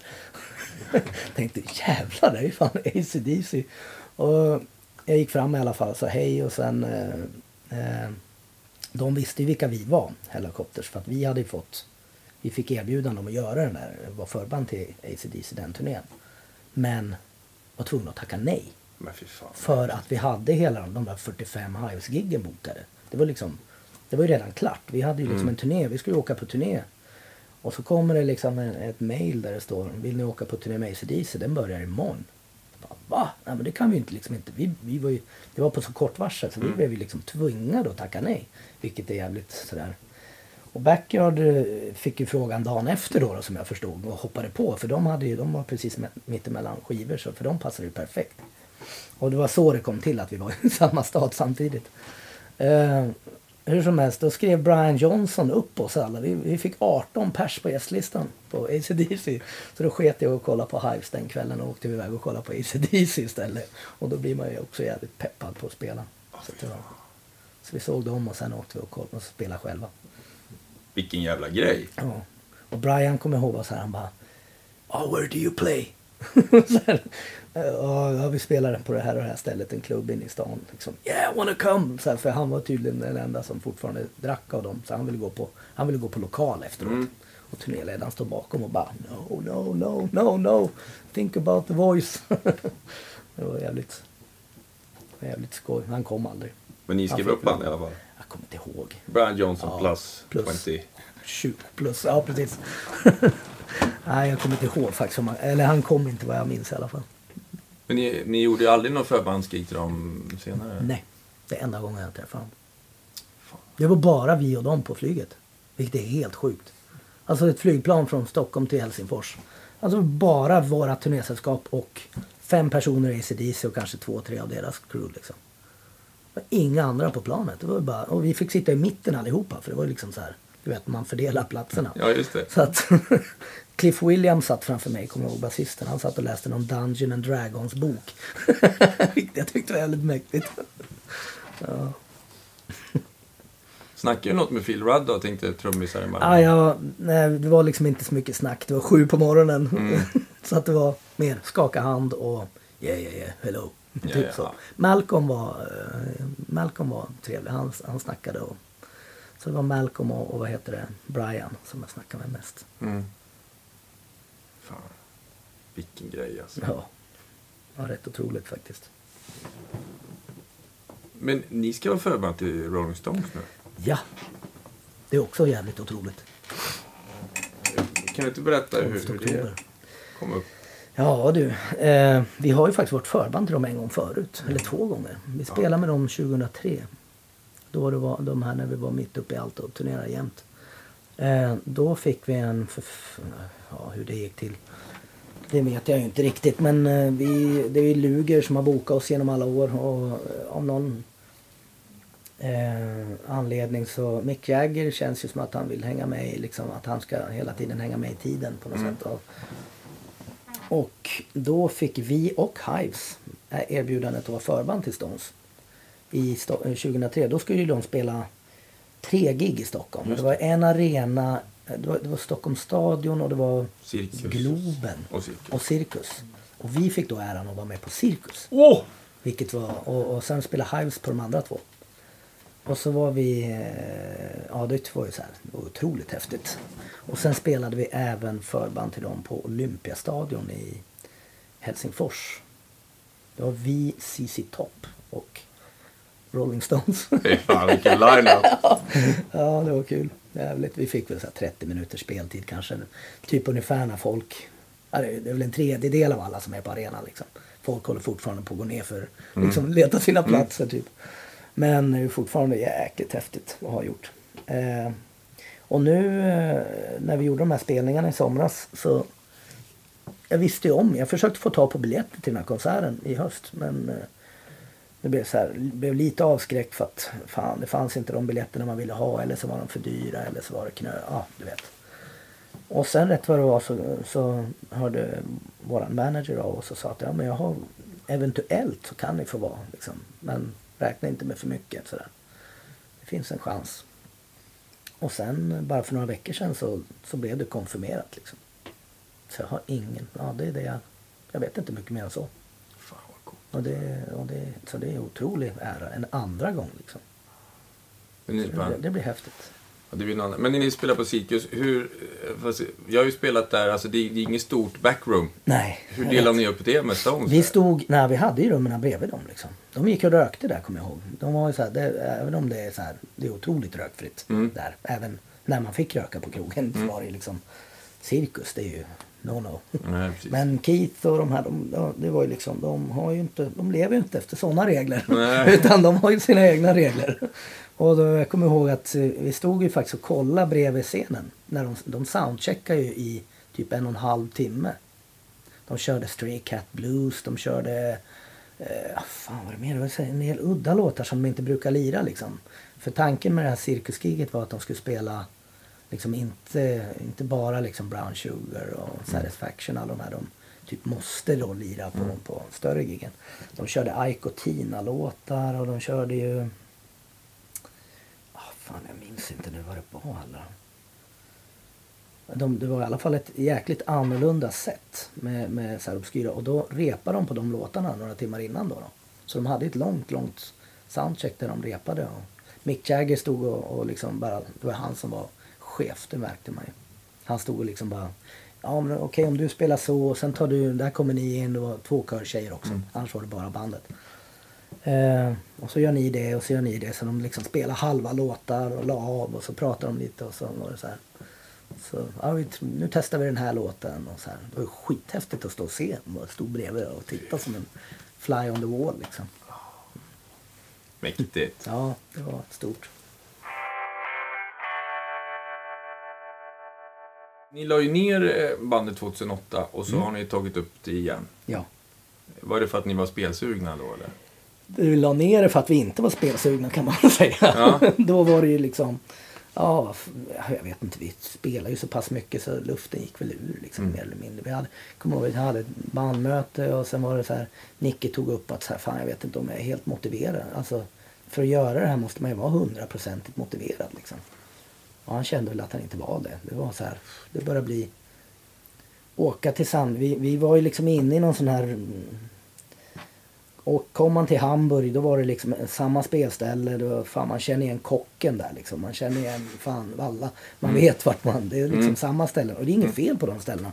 Det är väl bara mer att det är så här. Det är lite så här stuck in a rut. Mm. och, och jag vet att Strängen och jag var väl fortfarande så här peppade på att lira. Men jag vet att mer eller mindre alla de andra var väl lite så här. Ja, jag vet inte om det är så här. Det kom på tal om vi skulle åka till Japan. Jag kommer ihåg att det var, Kenny var väl så här. Nej, vet fan det är så jävla lång flygresa liksom. Och då är det så här. Va? Va? Vänta ja, men vänta nu. Det, det här är väl inte helt liksom. Eh, vi får åka dit och det, liksom, Mm. det, blev, det blev liksom. Ska vi åka till USA? Nej, det var så jävla. Det blev så bökigt där sist. Du vet, vi blev av med alla instrument och vi fick låna. Ja, du vet, det var, det var en jävligt rörig turné där. Mm. Vilket var skitjobbigt faktiskt. Men, men det blev, det blev mindre och det ena gav det andra och till slut så och samtidigt så vill man ju inte åka iväg och spela om man vet att medlemmar i bandet inte känner sig helt motiverade. Så då tog vi ett gemensamt beslut och helt enkelt gjorde en Ja, då hade vi precis spelat in en skiva. Och, då, och den hade vi gjort för egna pengar och då sa vi vad fan ska vad ska vi göra med den då? Ja men då kom vi överens om att vi släpper den här skivan och vi eh, gör en avskedsturné på den. Och så blev det. Och då var det skitbra helt plötsligt. Då var det så för då visste man ju att det var, då var det, den turnén var ju skitrolig verkligen. Vad var det det, sista det. giget någonstans? Vi gjorde fyra gig på eh, The Base Medis. Mm. som sista. Vi ville göra klubb istället för att liksom boka något större. Sådär. Så, så, så, ja, vi spelade på Cirkus gången innan. Större gig än så har vi väl aldrig gjort i Stockholm tror jag. Eller liksom ja, Gröna Lund förstås. Mm. Men, men liksom inte liksom så på klubbturnéerna. Men då gjorde vi fyra gig på The Baser eh, Medis. Just det. Och det var två gig om dagen. Och det var jävligt. Det var som ett maratonlopp. Fy fan, jag var helt slut. Ja, fan. Det, Det var, det var helt... Hur lång paus var det mellan gigen? Det var, jag minns inte, vi spelade kanske två, tre på dagen. Det första giget. Och sen var det vid åtta, nio på kvällen kanske. Och de var väl ganska långa de där. Vi brukar inte spela längre. Jag tycker att den här, det är ganska så här energiska, eller det, man tar ut sig så pass. Mm. Och det brukar ju vara en timme, en timme och en kvart. En timme och en kvart mer än så. Då blir det liksom, då är både vi och publiken ganska mättade liksom. Eh, två timmars konserter är liksom inget för, ja, det, det är möjligtvis Stones och sådana som Mm. kan göra det liksom. Och komma undan med det. Men eh, eh, de var ju fan, jag tror de var 1,40 eller någonting de där konserterna. Det var jäkligt jobbigt, måste jag säga, fysiskt. Men det är som att gå på gym i en Jag 40. blödde från bröstvårtorna. På riktigt. Jag hade stora röda... Jag kom av scenen såg jag. Jag hade liksom så här... Som, det såg ut som fem kronor med blod liksom. Så här, Som jag inte hade märkt på min så här cowboyskjorta jag hade. På Ja, men det blir tuttskav liksom. Ja, ja, för det var ju sån här polyesterskjorta Ja. som var så här. Hur fan. Och så göra det två gånger, men liksom ta ut Ja. sig och sen bara, ja, om tre timmar kör vi Ja, igen. ja precis. Ja, det var, det var... Men det var ju tanken med det liksom att vi skulle ta ut oss då. Så, Mm. så den, det var... Och det gjorde man ju. Måndag morgon när man vaknade då var man fan helt mörbultad. För inte så länge sedan så kom vi på att fan, vi startar igång det här igen. Och tanken med det, eller tanken, anledningen till att det blev av. Vi började ju snacka lite om, vi började mejla om någon, hur fan var det då? Det var någon, det var någon, sas- eh, en, någon eh, skiv, skiva, någon, någon sån här live-skiva som vi spelade in på 90-talet vet jag, som aldrig kom ut. Eh, En sån här, det skulle vara en 10 tums vinyl kommer jag ihåg. Så här, lite med fem sex låtar som ett litet sånt här bolag skulle göra. Och helt plötsligt hade den där, han, vi, vi hade gjort den där och vi mastrade den och vi gjorde omslag och allting. Skickade iväg det. Sen gick den där killen under jorden. Försvann totalt. Så den kom aldrig ut. Och nu hörde han av sig helt plötsligt. Han fick ett mail. Så bara, Ja, jag, nu har jag blivit ren. Stod det. Han, hade, han hade gått ner sig på, han hade varit heroinist och allt möjligt. Han hade gått jävligt dekigt sådär. Men nu hade han liksom shapat till sig och ville, ville släppa den här skivan. Och då blev jag så här, vad fan, aha, kan man stå för den där skivan nu? Är inte det jävligt konstigt att komma med en sån, ett sånt släpp liksom? Vi existerar ju inte som band längre liksom. Och, och samtidigt hade ju han fått ett okej okay, fast för 20 år sedan liksom. Eh, och då, då mejlade jag de andra och så sa jag, hur fan, vad, vad gör man med det här liksom? Ska vi säga okej eller ska vi säga... Och sen var det väl mer så här, ja, jag menar tidigare så var det liksom dealen med alla de där små bolagen man gjorde ju, då, det var ju liksom att vi spelade in någonting, vi gav dem rätten för att släppa det och sen fick vi 10 av, av eh, upplagan. Så gjordes det 2000 exemplar, då fick vi 200 ex. Och då sålde man dem på gig och så fick man igen pengar på det sättet. Och så var det inget mer än så liksom. Det var ju ofta så. Det var ju bara, vi har ju inte så mycket kontrakt skrivna liksom. Utan det, det är rock'n'roll hela vägen. Ja, Universal är det enda vi har skrivit kontrakt med faktiskt. Um, när vi gjorde det. Men det var... Och då skrev jag väl så här, ja fan jag vet inte, det är inte så att vi har så mycket gig att sälja de här skivorna på liksom. Och då var det någon, jag minns inte riktigt hur det kom till men jag, jag tror det var Putte, vår manager på Luger, att han var så här, men Sweden Rock vill ju jävligt gärna för det är 20 år sedan eh, er första skiva kom och de ville skitgärna spe, att ni kommer ner och spelar och allt vad det var. Och så började vi liksom så här, ja hur känns det då för alla? Hur, du hade ju gått åtta år ändå liksom. Och så sa vi, ja men ska vi ses och snacka då liksom. Och på den vägen är det. Och i, i det samma hela så hörde faktiskt Universal av sig ganska, ganska i samma tid. För de har ju då rättigheterna till den första skivan, Super Chili the Max. Och då, då ville de göra någon sån här, ja det är 20 år sedan den kom. Och den blev ju trots allt Grammis eh, ja, och allt sånt där. Och de ville väl göra någon sån här. Och då sammanföll allt så vi hade lite så beslut att ta, ta, ta beslut om liksom. Så sa vi, ja men vi gör, vi gör, den där, vi gör en bildvinyl av den där på Record Store Day och så gör vi, ja. Och sen eh, förhandlar vi fram till att göra det där. Ja men då gör vi ett gig. Inte, med, inte liksom, vi, vi, vi spelar en konsert så får vi liksom, och så kör vi hela skivan. Som då är ganska poppis att göra nu, vet jag. Många mm. band som gör. Och så blev det ju två. och, sen blev det, och sen blev det några till. Och så, där är vi nu egentligen. Och nu är ni igång liksom? Ja, alltså vi är inte igång på den nivån om man spelar så här 200 gig om året tänkte jag säga. Nej, men det, är liksom, och det kommer vi aldrig bli heller. Det finns ju för mycket annat. alla gör ju så mycket grejer och det, det tar ju längre tid att planera ihop något nu liksom. Men eh, förhoppningen är väl att man kanske kan göra, man, man tar del för del. Förut hade man ju, planen var väl att man liksom, vi hade ju alltid saker ett halvår framåt i tiden hela tiden så in the pipeline på något mm. sätt. Att man liksom när en turné var klar då visste man att ja, nu är vi hemma i sju dagar, sen ska vi iväg igen. Och sen är det tre veckor och sen ska vi spela in. Och sen var så man, man, visste liksom hur, hur det såg ut. Och, då, och nu har vi väl sagt att i alla fall vi tar... Det viktiga är ju att man inte bara blir så att man liksom bränner ut sig. Att man så här går på den här, fan vad kul det var att lira igen. Nu jävlar bokar vi på en världsturné. Jag tror att det, eller jag vet att det finns bra med intresse och sådär. Mm. Men det finns även någon slags, man vill ju, vi tar grej för grej på något sätt. Lite, lite mo, mognare beslut mm. kanske. Istället för att bara ja och så hoppar, dyker man rakt in. Så kanske du är helt utbränd efter ett år igen. Mm. Så är det så här, vi gör en grej och sen uh, ses vi och så snackar vi. Känns det bra för alla? Och fan, ja visst. Och lite sådär. Och så ja, ska vi göra något annat? Och så liksom, då kan man ta det efter så man slipper känna att det finns någon press på, på massa grejer och så kanske det är någon som känner att ah, jag vill vänta ett tag. Mm. Och det är dessutom, nu spelar ju alla med en jävla massa andra band hela mm. tiden också så att det finns ju, alla har ju sina, jag har ju, jag spelar ju med alla möjliga andra, jag spelar med Winnerbäck ibland, jag spelar med Strindberg som du mm. nämnde. Nu har ju kanske det, nu är inte det så svårt att planera in med kring det här om det skulle mm. vara någonting. Men folk har jobb och folk har barn och folk har... Det är liksom, mm. det är liksom en annan... Ja, det ser helt annorlunda ut nu, alla förutsättningar. Men Kenny är inte med fortfarande? Nej. Den är den här finska det killen? Det är den finska killen, ja. Uh, det, det, den här sommaren är det Sami, uh. Sami Jaffa som, mm. som hoppar in och spelar. Och det, det blev så av det, det funkade mm. helt, helt enkelt inte. Det behöver inte gå in så mycket mer på det egentligen.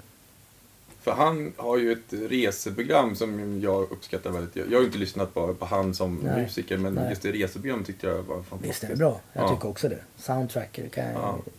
ge som, vad heter det, det finns på Netflix här. Ja. ja. Ja men kolla på det ni som lyssnar. Det är faktiskt jäkligt kul att se. Mm. Han går in och pratar om, eller han träffar lokala eh, undersöker den lokala, eh, vart musiken då härstammar ifrån Mm. helt enkelt.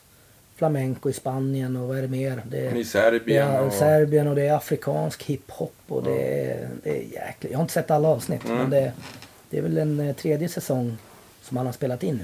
Mm. gjorde han precis innan vi började repa. Så hade han varit i ja, fan, Costa Rica och Indonesien och vad det nu är. Jag vet inte. Alla möjliga Mm. så här udda länder som Mm. man inte tänker på. Vad finns det för musik där? Han verkar vara en sköning. Ja, verkligen. Otroligt social, otroligt bra basist. Otroligt eh, trevligt att ha haft han med. Så det, Det är viktigt det om man blir, ska ja, ja, men det är verkligen... Det, det, åka buss. Ja, ja precis. nu har jag spelat med Mike Monroe väldigt mycket i sommar också. Så vi har ju liksom, alla har flängt som, eh, det har varit eh, ganska eh, avancerad logistik Ja. kring de här spelningarna. Men det har varit otroligt kul. Jag har en fråga. Mm. När ni var och körde som störst och sådär, när det var på topp, topp och alla var... Hade ni någon rider då? Mm. Vad stod det på den? Ja, jag, tänker, jag tänkte precis säga det. Det har väl inte varit några extremt märkvärdiga grejer. Det var väl mest, vi, vi stack inte ut på något sätt. Tror jag inte. Vi hade väl, förutom den tekniska riden och den, den kan jag inte ens gå in på. Nej, men jag Det- tänker det mer vet så här, jag vad vill ni ha Det när som ni man vill ha i logen. Mm. Eh, Det är väl det som eh, folk brukar tycka är kul att höra. Mm. Ehm, jag har för mig att det var, nej, det var liksom öl, vin, sprit, det var snacks och det var frukt och det var te och det var mackor och det är kaffe och det är handdukar och ja, inget, inget supermärkvärdigt. Jag har för mig att vi såg ett band någon gång som hade strumpor på riden. Mm. Och då tyckte vi det, ja, men det ska vi fan försöka ha för det är jävligt då kan man bara kasta strumporna man, Mm. man spelat i liksom, istället för att släpa hem 20 par äckliga strumpor i väskan. Som, och det, är så här, det tyckte vi var smart. Jag vet inte om vi fick med det på riden någon gång men eh, och vi hade, någon gång hade vi frankerade vykort för det var, så här, det var ju innan eh, Internet. internet. Ja. Och då vill man skriva hem ibland. Ja. Och då var det så här, det var så jävla bökigt om man hamnade i någon så här, ofta låg en del så här klubbar ute i industriområden och sånt där. Och så ska du gå omkring där och försöka hitta några jävla frimärke någonstans. Mm. På en söndag i Bremen liksom. Det blir så här, det blir jävligt så här. Det var, det var, det var, ja. det är som att du hamnar i, ja vad ska vi säga, Älvsjö. du vet, och så, så går du omkring där. Mm. Eh, så att vi hade frankerade vykort som, som vi hade när vi, nå- någon gång, jag vet inte om vi fick det. Vi hade sig på riden ibland. Eh, Någon gång mot slutet så hade vi när vi spelade så mycket, då man, man blir lite dagvill sådär. Man vet liksom inte riktigt vad det är för dag på veckan. Och då kommer jag ihåg att då satte vi att vi skulle ha en flaska champagne på fredagar. Mm. Så att vi vet att då är det fredag. Det är ju perfekt ju. Ja, det var väl mer för att det var inte för att någon så här shit vad gott. Ja, det är ju klart det är gott med champagne. Men det var inte det här att åh vad jag vill ha det utan det var mer så här eh, ett sätt att liksom. Fredagsmys. Ja fredag, nu är det fredag. Ja just det, då är det champagne. Ja. Ja. ja men då vet och så var det liksom, det var mer så. Men annars var det väl väldigt, jag tycker att vi var ganska med, eller liksom ingen så här. Det var snarare så att man inte, vi försökte väl få bort eh, snacks och massa sånt där på slutet. Det är så onödigt att det ligger massa jävla och Snickers och sånt där i logen. Då går man bara små och äter. Mm. Eh, och det var ingen som var så här jättefan av så här massa ostar och sånt där heller. Så Mm. det var väl så här, det var väl mer ganska enkelt ändå. Mm. Tror jag. Men inga så här galna grejer som ni bara kontrollpunkter för att se om Nej. man hade läst riden och så. Nej, nej, det var... eh, Jag vet att vi gick igenom den där nu. Jag re- reagerade på det. var- Jag vet att vårt crew hade, de fick ju av någon annan. Det var liksom iste och det var någon speciell typ av läsk och det var så här. Fan, vem har skrivit dit det där? Liksom, vi såg det där nu, 2016, 2017. Och så var det så här, men fan det var ju den och den, någon gammal ljudtekniker eller ljustekniker som så här. Det var ju den personens favorit. Och helt plötsligt så är det ett sexpack av det där på, på liksom riden. Som, som, det var liksom inte vi som egentligen ville ha. Men de bara petade dit det. Ja, ja, uppenbarligen har det blivit så. Din framtid är lite spela helikopters, Mm. lite jobba på... på Ja, förhoppningen är väl att man ska försöka få... Man, man har ju bollat det där under ganska många år nu, sedan 2008. Att man har spelat och jobbat och spelat och jobbat och från och till och Mm. fram och tillbaka. Och i slutändan så blir det ju som en... eh, Någon slags, det blir mer än ett heltidsjobb egentligen. Ja. Man gör ju alltid grejer. Det är liksom, men det gör man ju oavsett. Om man nu är, är engagerad tänkte jag säga. Eller om man nu liksom... Och spela trummor innebär ju inte bara att man spelar trummor på något sätt. Utan man, man är ju... Ja, man gör ju allt möjligt kring det här. Spelar in poddar till exempel. Man, eh, man eh, går ut och träffar folk och socialiserar och man gör sig, ja du vet, man nätverkar heter det väl nu för tiden med lite Men vi, modernare vi har ju sprungit på varandra på lite gigs och sådär. Ja, Ryan Adams på... ja, det var bra. Mm, Det gillar jag. Det gillar jag skarpt. mm. Stod på plastmatta eller var det någon p- press man stod på? Mm. Eh, Ja, men det är ju liksom, det är, nej, men det är så mycket kring allt det där och det är ju liksom så man jag tänker ju liksom, spelar man i ett band så gör du ju även mer än att bara spela i ett band. Eller så funkar det i alla fall Helicopters. Vi gjorde ju liksom allt. Man designar hur det är, eller man, nu är det ju Nicke i främsta fallet här då. då. Men liksom eh, designar tröjor och man eh, skickar iväg och beställer och man gör egna affischer och man gör liksom allt kring det hela. Man, för att inte tala bära utrustning och allt sånt där. Nu har vi sluppit det de senaste åren med just Helicopters men med typ alla andra band så gör man ju liksom allt det också. Ringer och bokar bilar och man ringer till bokare och kollar vart man ska bo och du vet, allt sånt där. Så det är ju, man är ju liksom alltid ett på något sätt. Vi har pratat om det med många så här att eh, en arbetsdag för en musiker när, när det är gig. Då är ju gigget kanske en timme. Ja, Och de andra ja. 18 timmarna du är vaken, då jobbar du ju med Ja, du gör ju allt annat. Ja. Ska du ner till liksom Göteborg och spela då, är det liksom, då ska du hämta en bil åtta på morgonen och sen ska du åka till replokalen och packa grejer och så kör du bil Mm. ganska länge. Mm. Och sen ska du leta ett hotell och du ska liksom... Ja, det här vet ju alla som spelar men det är liksom... Det, jag vet inte hur många som spelar som lyssnar på det här men det är ju liksom i princip så det går till. Mm. Och det är väl det ganska många tröttnar på. De som bara vill göra den där timmen på scenen. Mm. Alla de andra 23 timmarna blir ju jävligt tråkiga på något sätt. Mm. När du bara ska sitta i en bil och titta ut. Mm. Eh, och det, ibland är det ju verkligen så. Och det, men eh, på något sätt så, jag gillar ju att vara lite sådär på resande fot. Det är, Mm. ju, det är ju någon slags, det ger intryck och det är en spänning i det på något sätt. Som jag alltid har gillat. Och det, det är fortfarande, när vi slutade spela så kände jag att jag helt plötsligt saknade det. Även fast man har suttit och gnällt ibland att så här, åh, ska man åka den här E4 igen liksom. Men nu, då blev det helt plötsligt så här. Så fort man var i Södertälje så blev det jävligt spännande. det var liksom, det fanns en, ja, Ja. nu är det på gång liksom. Ja. Så det, ja, men det är, det, är, det är mäktigt faktiskt. ja nu tycker jag inte att det spelar som större, alltså det låter ju konstigt men eh, om jag skulle spela på Akkurat eller om det nu blir Friends Arena med Stones. Mm. Det är ju så här, det är det är gig. Det är alltså att ha något att se fram emot som grej. Mm. Det är ju verkligen något som är så här, det, bara, det, det finns i bakhuvudet och det, det äggar upp på något sätt. Mm. Det blir jävligt spännande. Och, det, och om det nu handlar om någon liten pubspelning med något annat band Mm. så är det fortfarande samma. Åh, om tre månader då gör vi det. Jävlar vad kul det ska bli. Ja. Det, är liksom, det, det är egentligen inte... Det är klart att de här större spelningarna blir ju mer... De, det blir så mycket mer omkring där. Man måste gå in i någon... Men man går ju fortfarande in i den där jävla bubblan. Om det är 20 pers man spelar för eller om det nu är... Vad det nu kan vara. Hur mycket tar de in på Friends Arena? 50 000 pers Ja, kanske? kanske. Ja. Vi, vi säger så. Ja, vi säger så. Det, det är liksom...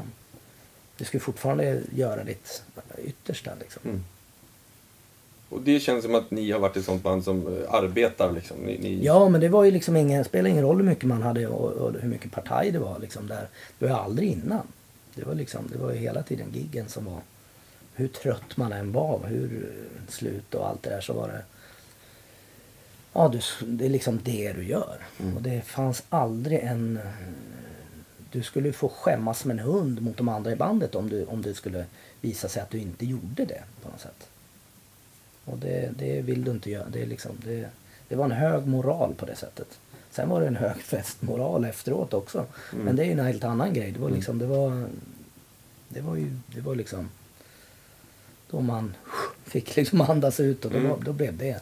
Och sen fick du sitta och lida i vanen dagen efter istället. Men, men när det väl var dags för gig då är det liksom, då switchar du om på något sätt. Och det spelar ingen roll vilket, hur, du, hur du mentalt känner dig. Du ska bara göra det liksom. Mm.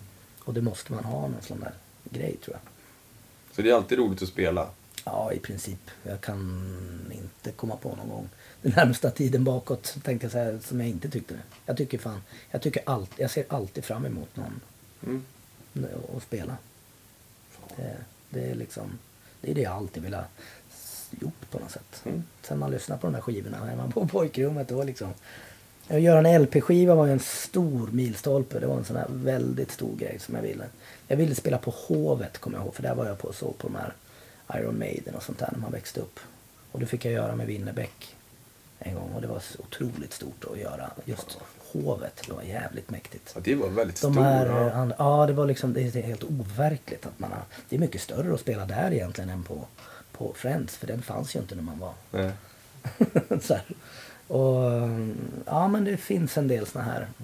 Och sen kunna då överleva på att spela musik på något sätt och kunna göra det och, och helt och hållet som jag gjorde under ett antal år. Det var ju liksom den ultimata, men den, är, den blir ju egentligen aldrig, det går ju upp och ner hela Mm. tiden och det har man ju förstått. Det är ju liksom ingen, det blir ju inte som de här eh, artiklarna man läste om Zeppelin och såna här band liksom när de åker runt med superjetflygplan och såna här grejer. Det finns ju liksom inte i, på, i det verkliga.